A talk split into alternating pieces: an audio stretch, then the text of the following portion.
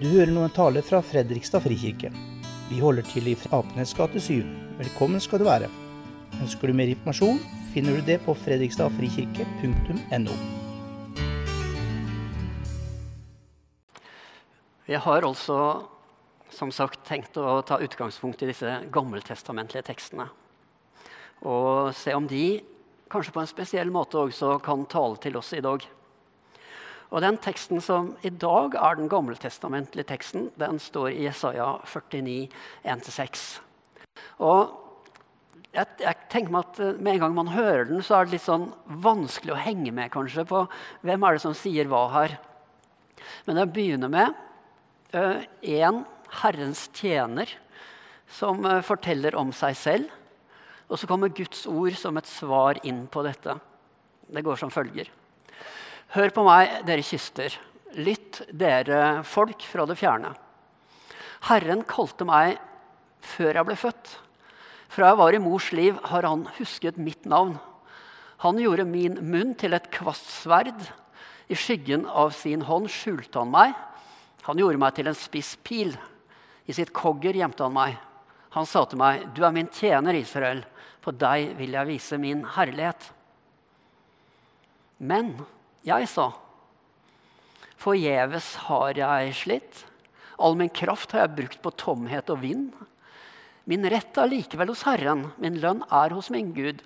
Og nå sier Herren, i parentes, som fra jeg var i mors liv, har formet meg til sin tjener, for å føre Jakob tilbake til ham, så Israel kan samles hos ham. Jeg er æret i Herrens øyne, min Gud er min styrke. Han sier, det er for lite at du er min tjener som skal gjenreise Jakobs stammer og føre de bevarte av Israel tilbake. Jeg gjør deg til et lys for folkeslag, så min frelse kan nå til jordens ende. Hvis noen av dere var her eh, den andre søndagen i advent og Det er selvfølgelig veldig vanskelig å huske hva jeg gjorde den andre søndagen i advent. Bortsett fra at det var gudstjeneste her, og vi prekte over Jesaja. Og jeg fortalte litt om hans mange profetier, som både handla om barna som skulle bli født, om Jesus som skulle lide for folkets synder, og for det som ligger i framtiden, om en ny himmel og en ny jord. Eh, og jeg fortalte også at når man leser profeten Jesaja, må man vite at dette er profetier skrevet ned i mørke tider. Vanskelige tider, tøffe tider der folk virkelig sliter. Og denne teksten er virkelig ikke en, eh, et unntak. Den er skrevet på 500-tallet før Kristus.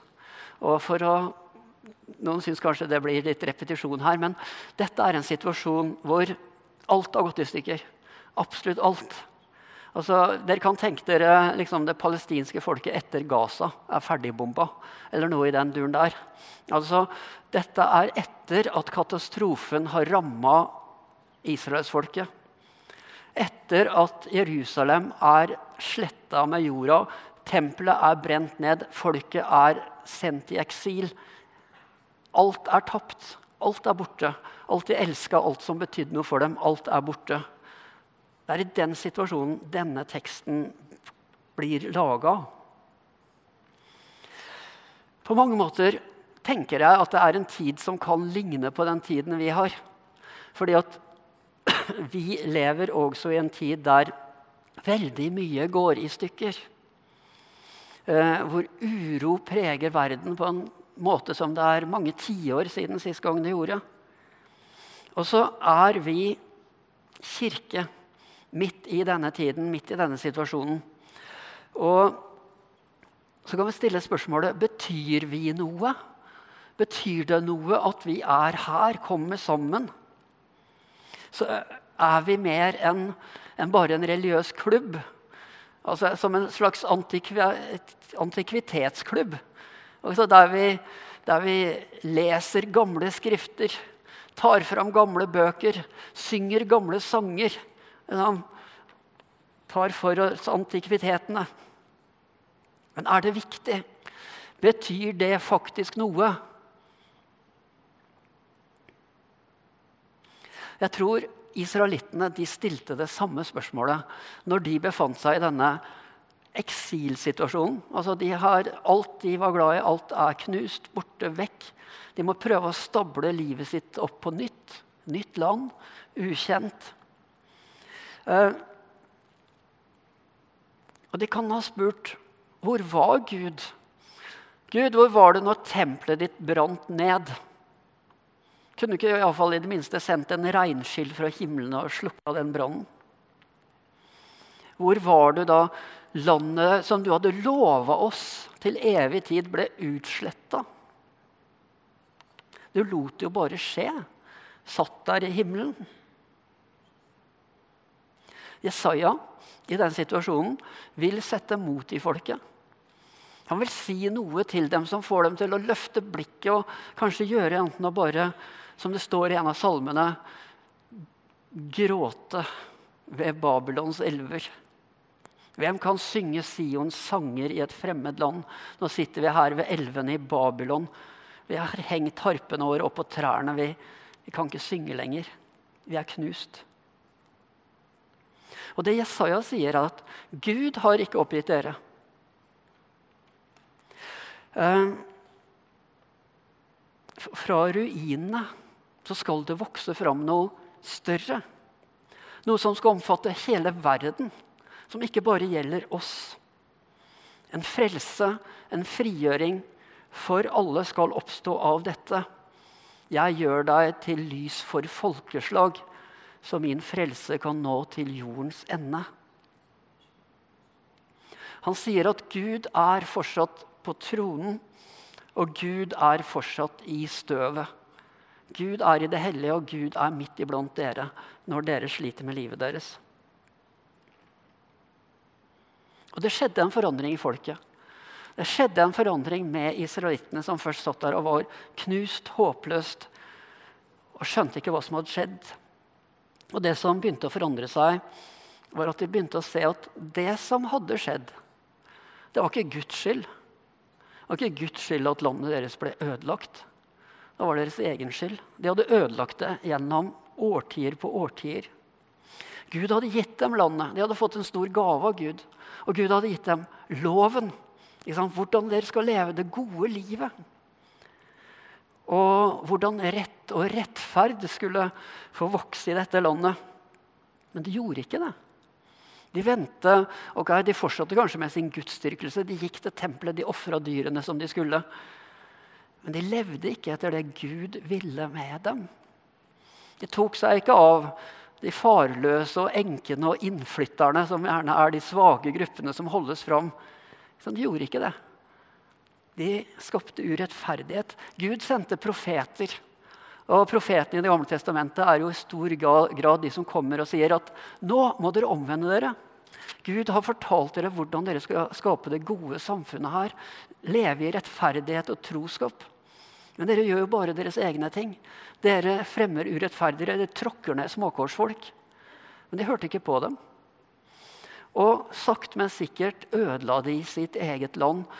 Og når de fiendtlige hærene kom og rev ned alt, brant ned tempelet, bortførte folket, så var det nærmest en slags logisk konklusjon på en lang utvikling. Og Det var det som skjedde med folket i Babylon når de var i eksil. De begynte å se vet du hva, det er oss det handler om. Og det var der de begynte å gjenskape sin religion, den jødiske troen. Det var der de begynte å lage synagoger. Liksom der de kunne komme og samle seg sammen Lenger, de hadde ikke tempel lenger, men de, de, hadde hverandre. Det var der de begynte å skrive ned bøkene. Mange av de bøkene vi har i Det gamle testamentet, i dag er skrevet der. Og de skriver for å forstå sin egen situasjon. F.eks. kongebøkene i Det gamle testamentet forteller om Israels konger. Fra den første og helt til alt går i stykker. Og når dere leser dem og skjønner at dette er skrevet av dette folket, knust i eksil, som forklarer dem hvorfor ting gikk så galt. Og det er rart. Når dere leser om Israels konger i Det gamle testamentet, så blir ikke de bedømt ut fra hvor store seire de har vunnet i krig, eller sånne ting, hvor mektige de var. Nei, de ble bedømt ut fra helt andre ting.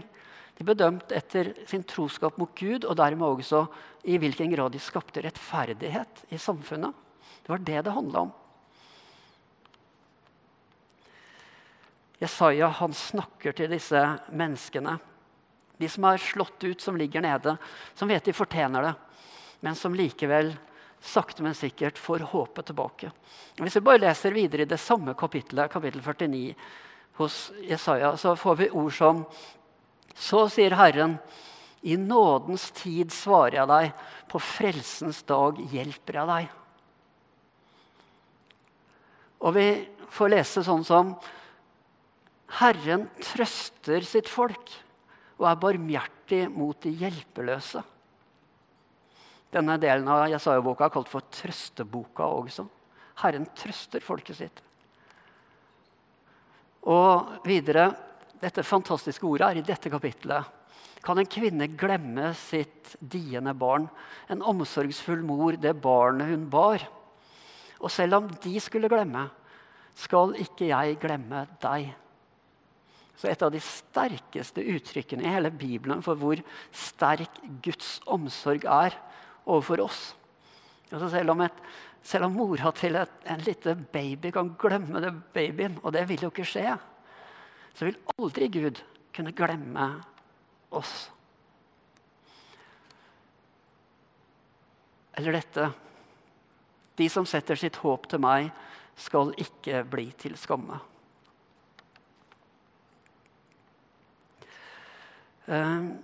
Det jeg sa, jeg sier, dere kan stole på Gud.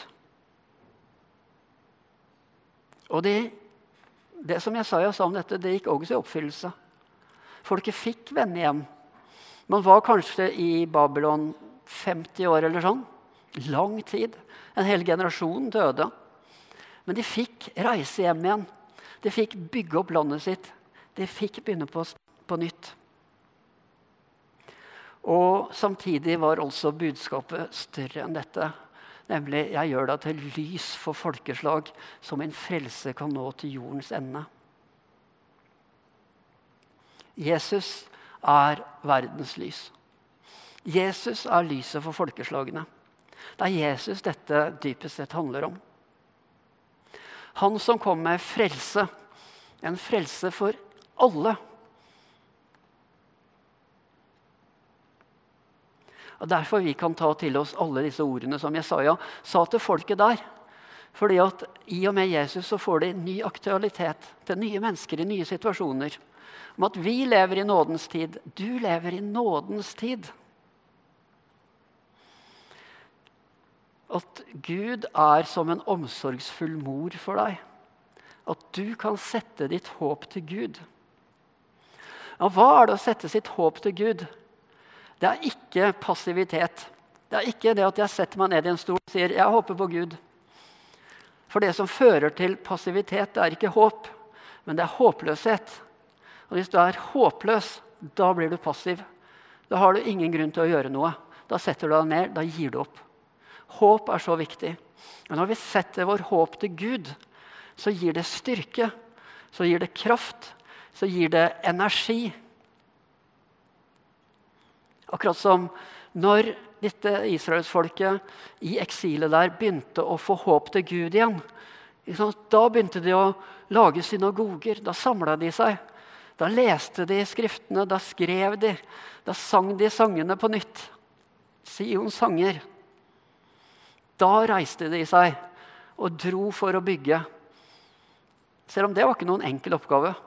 Det er ikke en enkel oppgave til å komme til et land som ligger i ruiner, og begynne å bygge det opp igjen. Det tok mange år.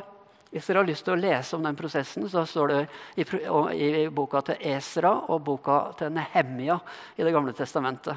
De handler om den gjenoppbyggingen etter eksilet. Om du setter ditt håp til Gud, da vet du at du har den sterkeste på din side. Da vet du at selv om dette året 2024 er usikkert. Vi vet ikke hva som skjer, men vi vet at Gud er her. Vi vet at framtiden er på vår side, på din side. Og derfor utfordres du og jeg til å bygge fellesskap i 2024. Åpne våre hjerter og favner for mennesker i 2024.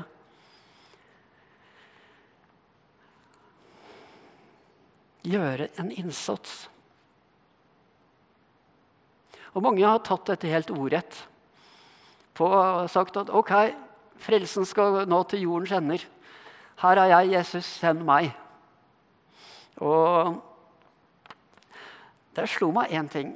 Jeg har jo aldri vært misjonær eller noe. Men jeg har Og hvor er egentlig jordens ende?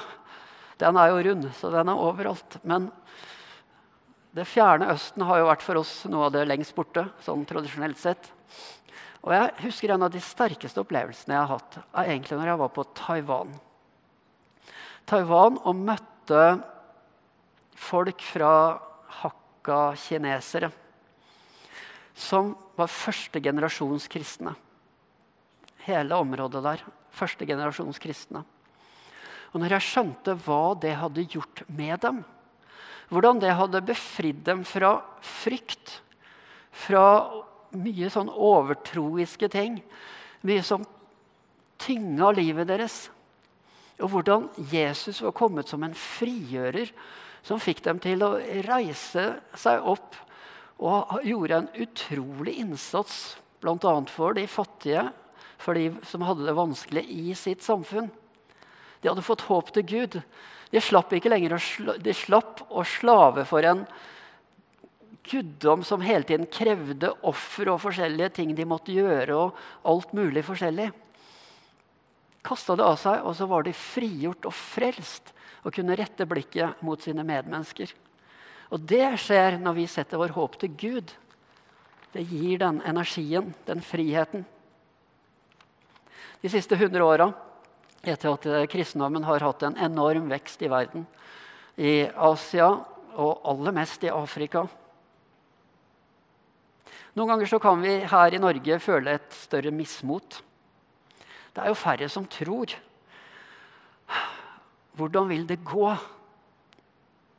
Og det vet vi ikke. Men Jesus har lovet å være med oss.